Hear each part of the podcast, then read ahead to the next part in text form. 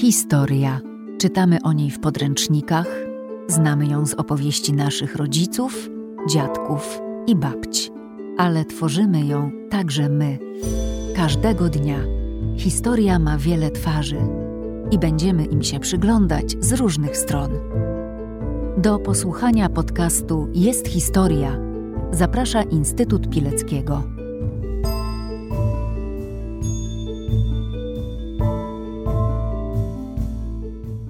Odcinek siódmy. Trauma ma dobrą pamięć.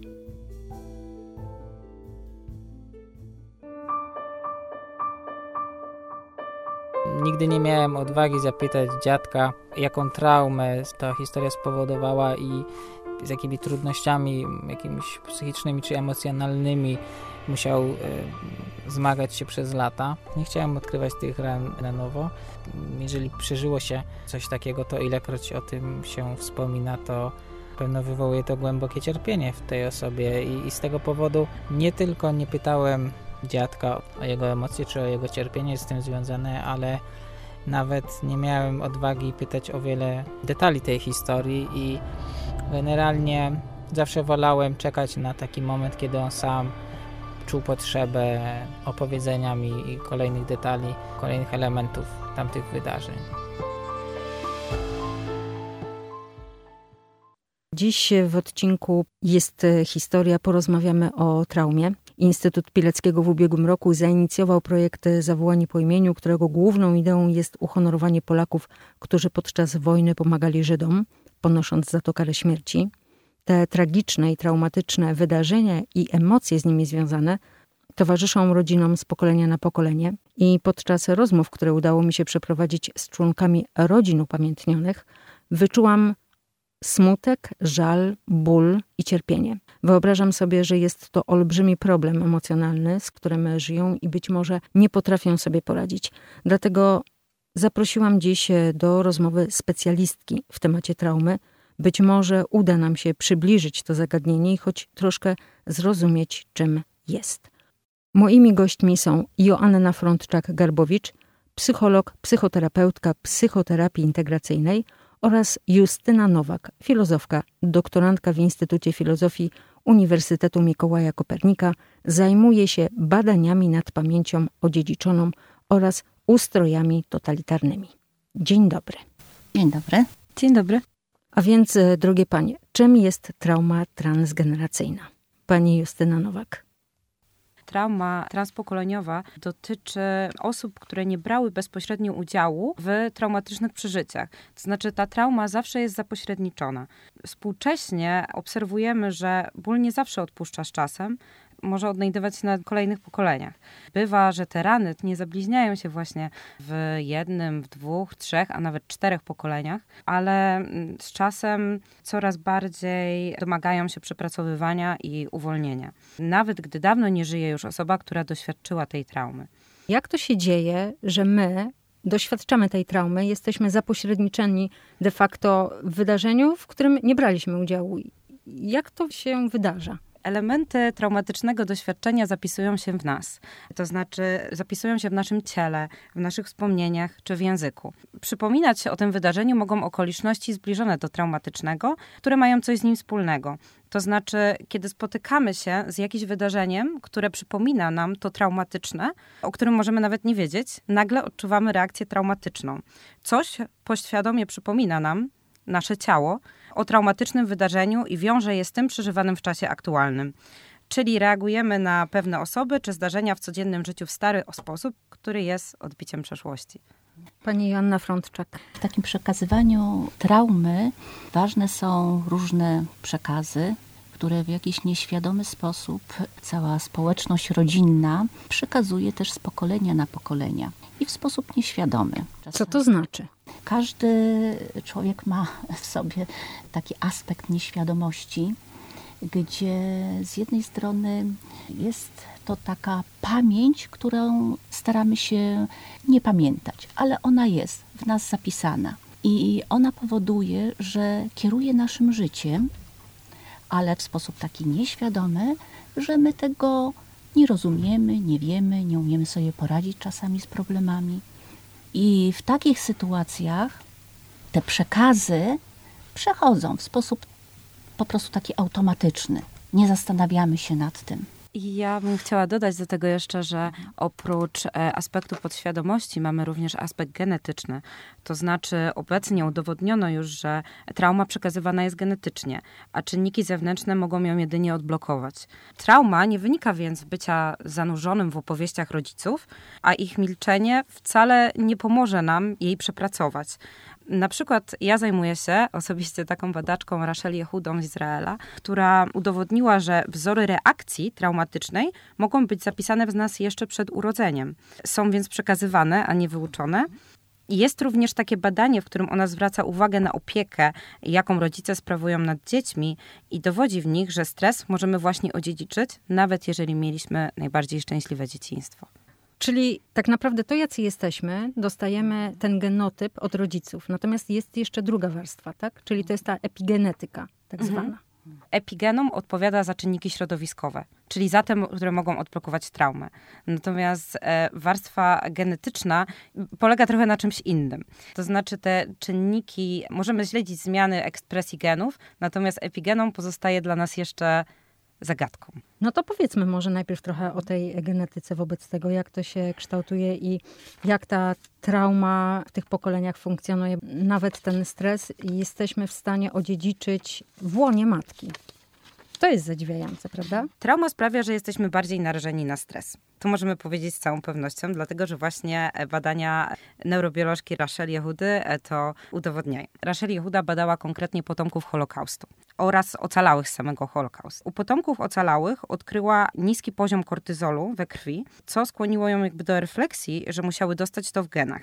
Dzięki temu odkryciu zauważyła zmiany w ekspresji genów oraz ten sam mechanizm właśnie u rodziców i dzieci. Naturalnie można by było argumentować przeciwko temu, ponieważ różne czynniki środowiskowe mogą wpływać na zmianę ekspresji, jednak ona wykluczyła tą możliwość, dlatego że przebadała zarówno osoby, które doświadczyły bezpośrednio Holokaustu ich potomków, jak i osoby pochodzenia żydowskiego, które spędziły Holokaust poza Europą. I odkryła, że u tych osób, które spędziły Holokaust poza Europą, nie występuje ani zmiana w ekspresji genów, ani obniżony poziom kortyzolu.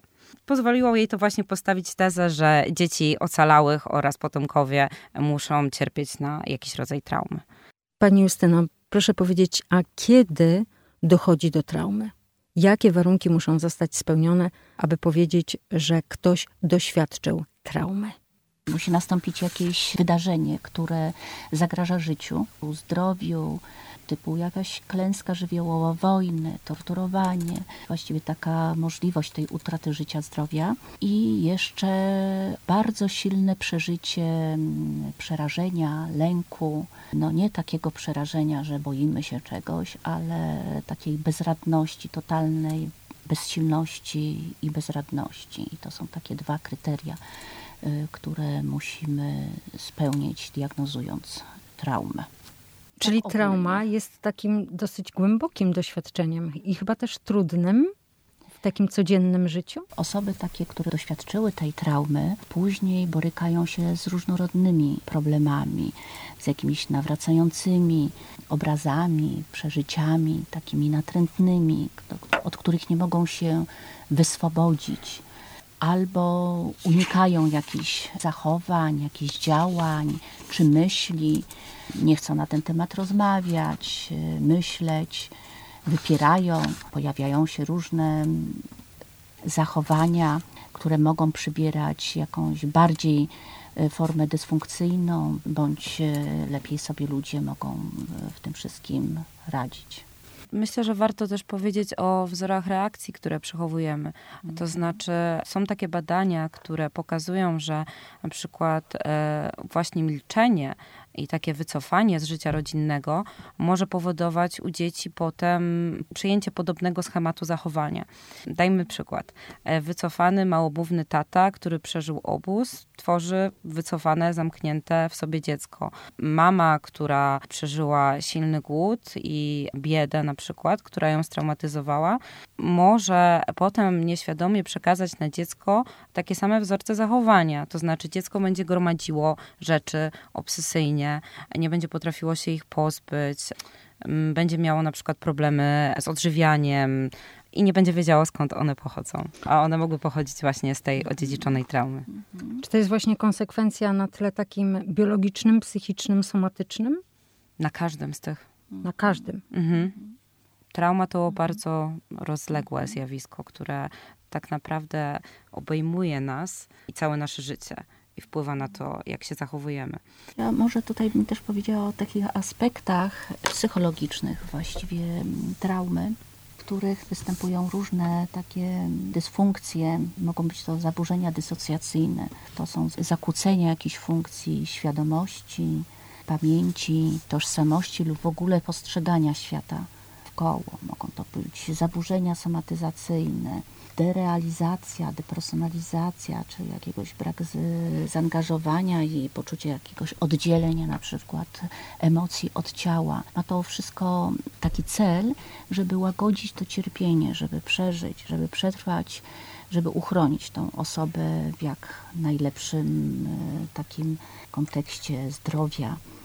Należy również pamiętać o takich e, aspektach e, przekazów w tej traumie transgeneracyjnej, zwłaszcza e, tutaj właściwie mm, w tych traumatycznych wydarzeniach wojennych, na przykład o lojalności wobec rodziców.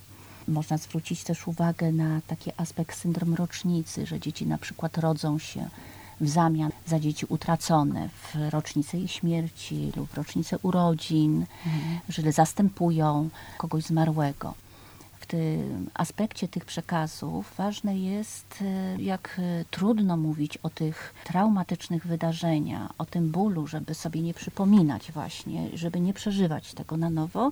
Ważne jest, że te niewypowiedziane bóle, problemy, te doświadczenia zapisują się w postaci śladów, i te ślady żyją sobie swoim własnym życiem i w sposób nieświadomy właśnie rządzą, kierują naszym obecnym życiem.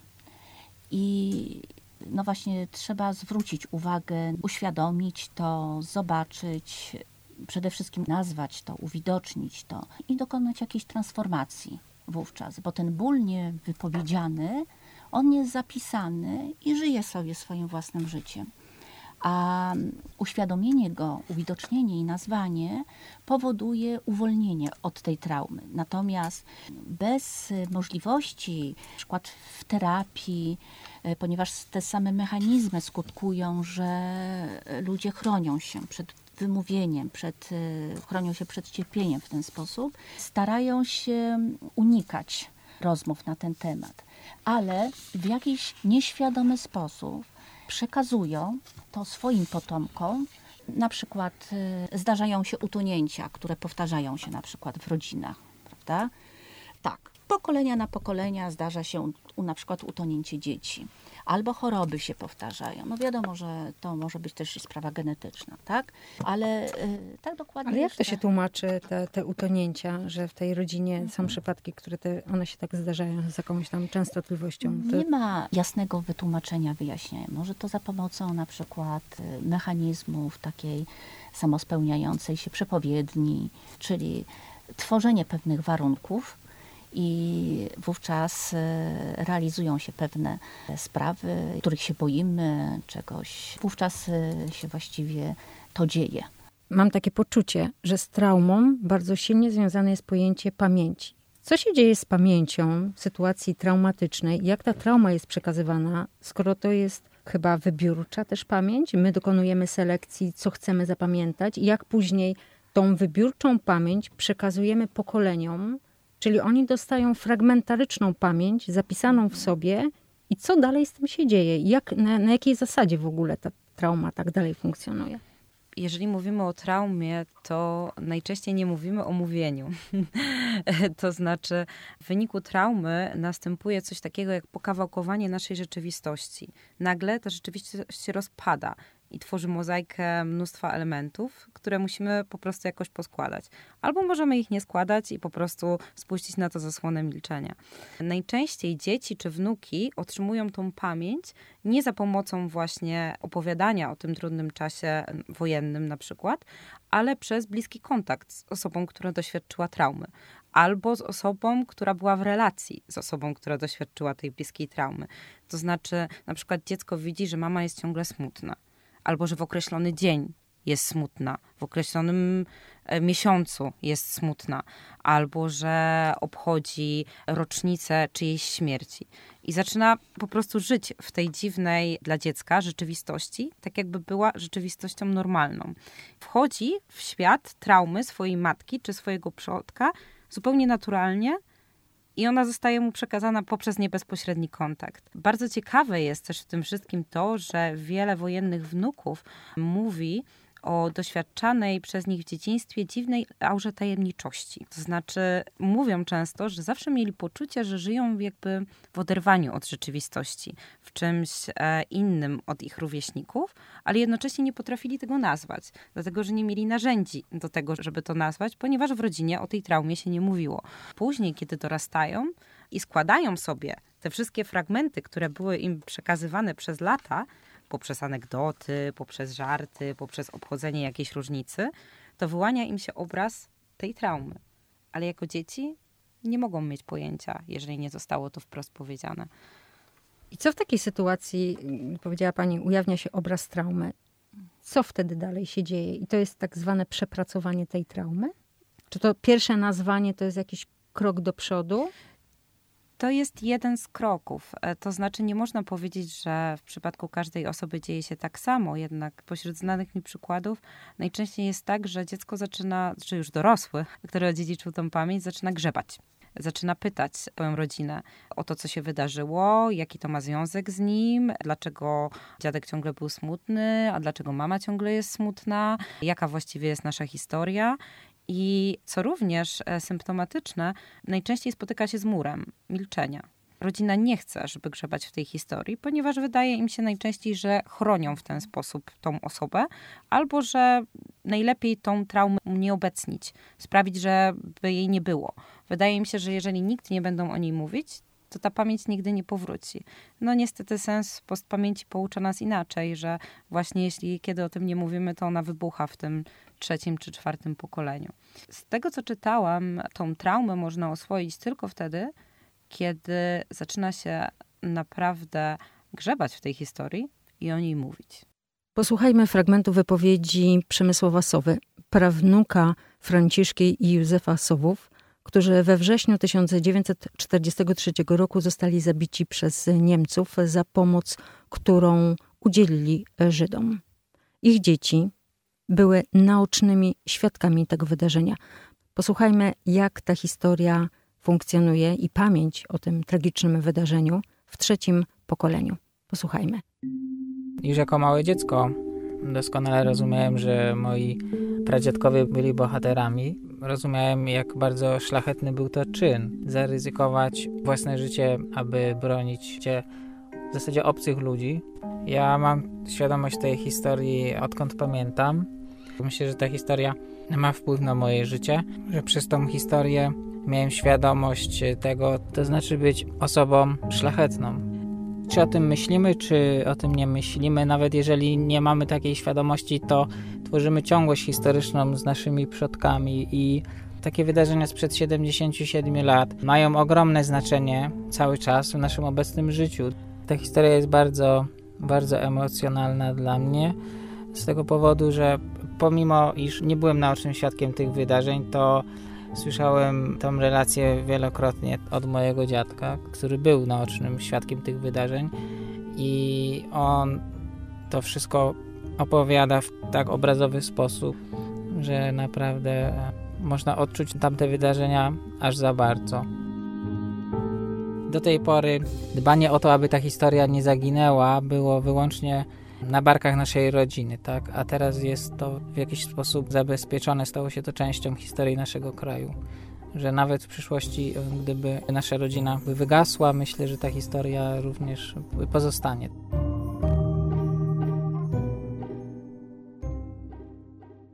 Wysłuchaliśmy fragmentu wypowiedzi pana Przemysława i pani Joanno jako psycholog. Proszę o krótki komentarz. To, co zwróciło moją uwagę, to taki aspekt i odpowiedzialności za to, co zadziało się w, w rodzinie. No, prawnuk, ale jaka jest silna więź, która została stworzona w rodzinie i jaka jest silna odpowiedzialność i poczucie lojalności, takiego chronienia rodziny. I taka potrzeba, jak widać, uprawomocnienia w szerszym kontekście, w szerszym y, społeczeństwie, we świadomości narodowej tego bólu, tej traumy, która się wydarzyła. Tutaj też jest taka potrzeba i przekazania, i pamięci, i właściwie takiego wyjścia już poza rodzinę, upamiętnienia tego, tej ofiary.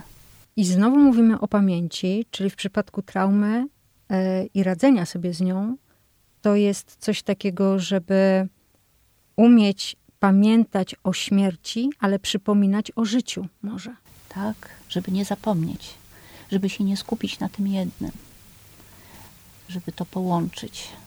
I to jest chyba najtrudniejsze, prawda? Bo w przypadku tych osób z traumami jednak ten aspekt pamiętania Powraca. o śmierci jest na pierwszym miejscu. Tak, jest najważniejszy, najsilniejszy.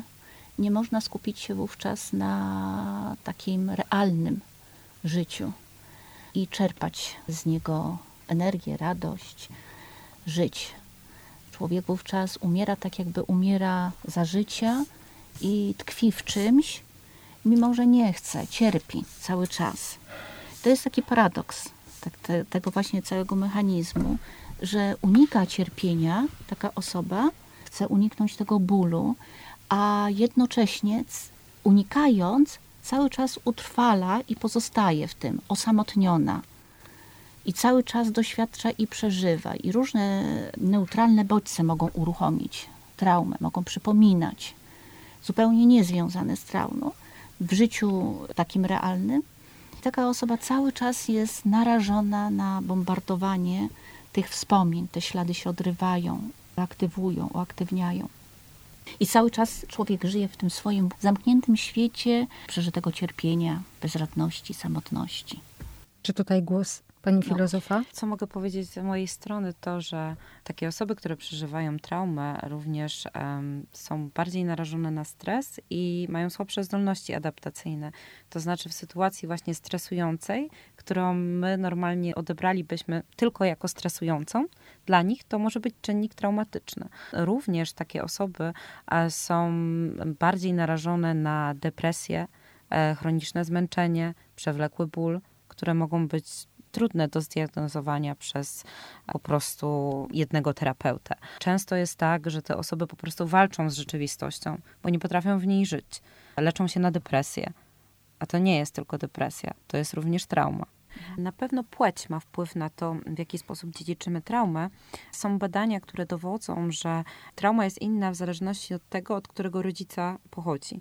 To znaczy, u mężczyzn nadmierny stres może powodować, że zmiany zachodzą już w plemniku, czyli długo przed zapłodnieniem. Natomiast u kobiet te zmiany mogą zachodzić zarówno przed zapłodnieniem, jak i już kiedy jest już komórka zapłodniona. Więc inaczej się ten stres dziedziczy i inaczej on się też przejawia potem w, w życiu. Rachel Jehuda uważa, że w przypadku, kiedy trauma pochodzi od kobiety, od matki, częściej e, dzieci i wnuki ocalałych skarżą się na nadmierne przywiązanie matek do dzieci.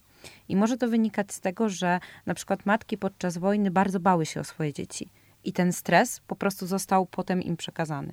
Natomiast u mężczyzn częściej obserwuje się, że w przypadku ich traum dzieci mają tendencje depresyjne i lękowe.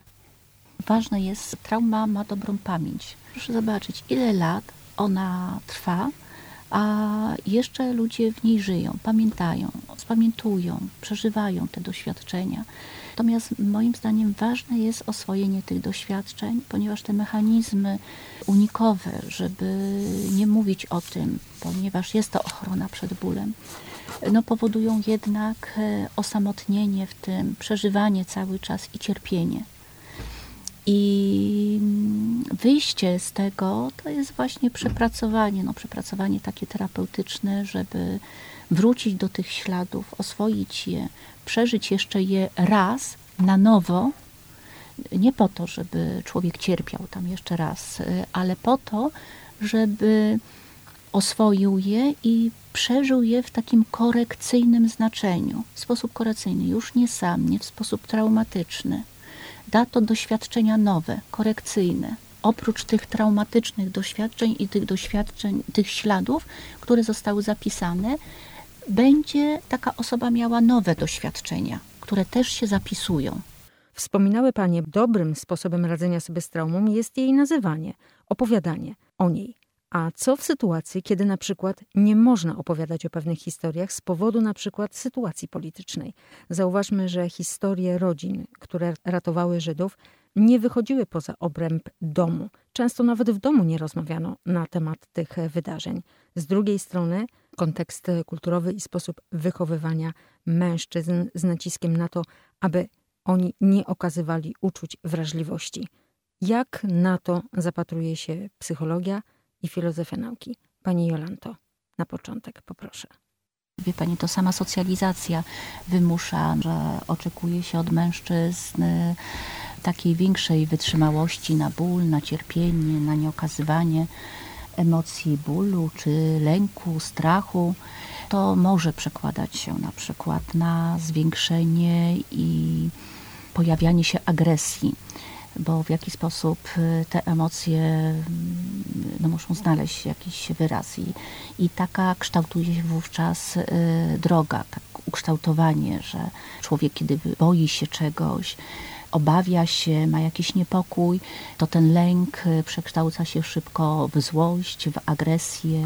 Kobiety bardziej y, oczekuje się od nich y, bardziej podporządkowania. Tutaj mogą się pojawiać bardziej problemy współuzależnienia, podporządkowywania i takiego cichego na przykład przyjmowania, nieskarżenia się ale bardziej no to, to są przeciągnięte takie granice na jakąś przemoc, wiktymizację. Mhm. Nie ma nic z tym dziwnego, że dopiero teraz mówimy o takich kwestiach, dlatego że, no jak wiemy, do 89 trudno było w Polsce mówić o polityce historycznej i w ogóle w takim znaczeniu, w jakim dzisiaj mówimy o pamięci. Później chyba też nie za bardzo była na to przestrzeń i dopiero od niedawna, nie tylko w Polsce, ale na całym świecie prowadzi się takie badania dotyczące traumy. W przypadku e, Polski konkretnie wiem, że na przykład e, nie musiały być to doświadczenia obozowe, ale też ludność ukraińska czy łemkowska wielokrotnie musiała wyżyć się swojego pochodzenia, swojego języka, kultury czy religii, dlatego że w wyniku działań powojennych byli przesiedlani po prostu w inne rejony i tam albo ze strachu przed swoją innością i przed reakcją innych na inność, albo wręcz było to wymuszane. Z strachu przed represjami zmieniali całą swoją tożsamość. To znaczy um, zmieniali imiona, nazwiska na polsko brzmiące. W tym przypadku taka trauma, również trauma związana z przesiedleniem, bo takiej też możemy mówić, bardzo silnie rozprzestrzeniała się w następnych pokoleniach. Dlatego, że to połączenie z bezpośrednim przeżyciem traumy zostało całkowicie zerwane. Wszystkie ślady zostały zatarte. Często nawet wnukowie i prawnukowie nie wiedzą, że ich pochodzenie jest na przykład ukraińskie, dlatego że no już przez tyle pokoleń żyli w polskiej rodzinie, że zupełnie nie mają dostępu do tego fragmentu pamięci i nawet nie zdają sobie z tego sprawy, że takie wydarzenia miały w ich życiu miejsce i że mogą kierować ich życiem za pomocą traumy. Dopiero kiedy zaczęłam zajmować się tym tematem w swoim doktoracie, dowiedziałam się, że mój pradziadek był w Auschwitz. Moi rodzice nigdy nie mówili o tym wprost. Dopiero zaczęli o tym wspominać, kiedy powiedziałam, że właśnie zajmuję się postpamięcią i wytłumaczyłam im, co to jest. Powiedzieli mi to w taki sposób: Dziadek był w Auschwitz, to ty nie wiedziałaś?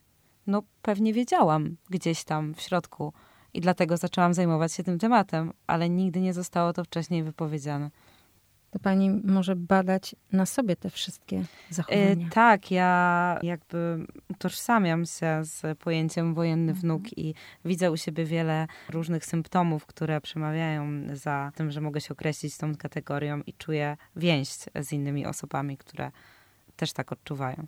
To może nam pani opowie trochę, co to znaczy Zauważam takie same mechanizmy po prostu, które funkcjonowały w mojej rodzinie, które funkcjonują również właśnie w literaturze czy w nauce. To znaczy zauważam właśnie tą ścianę milczenia, której doświadczałam przez lata, a nie potrafiłam jej nazwać i tą aurę, o której wspominałam, dziwnej tajemniczości, która zawsze otaczała moich przodków o których za dużo nie wiedziałam, do których niby miałam dostęp poprzez jakieś fotografie, poprzez opowieści, ale zawsze właśnie wokół tego była jakaś taka dziwna aura tajemniczości. Dopiero teraz ona się przede mną jakoś tak rozwiewa, kiedy zaczynam to badać i kiedy jestem w tym temacie coraz głębiej.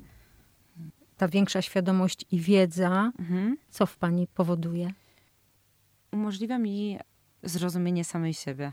E, takie ugruntowanie swojej świadomości, takiej tożsamości. Jestem bliżej Prawda? siebie, mam wrażenie, mhm. dzięki temu. Czyli jednak jakieś światełko jest w tunelu. Może po prostu możemy powiedzieć, że z całą pewnością jest możliwe przepracowanie tej traumy, że możemy się od niej uwolnić, kiedy zaczniemy ją badać i o niej mówić.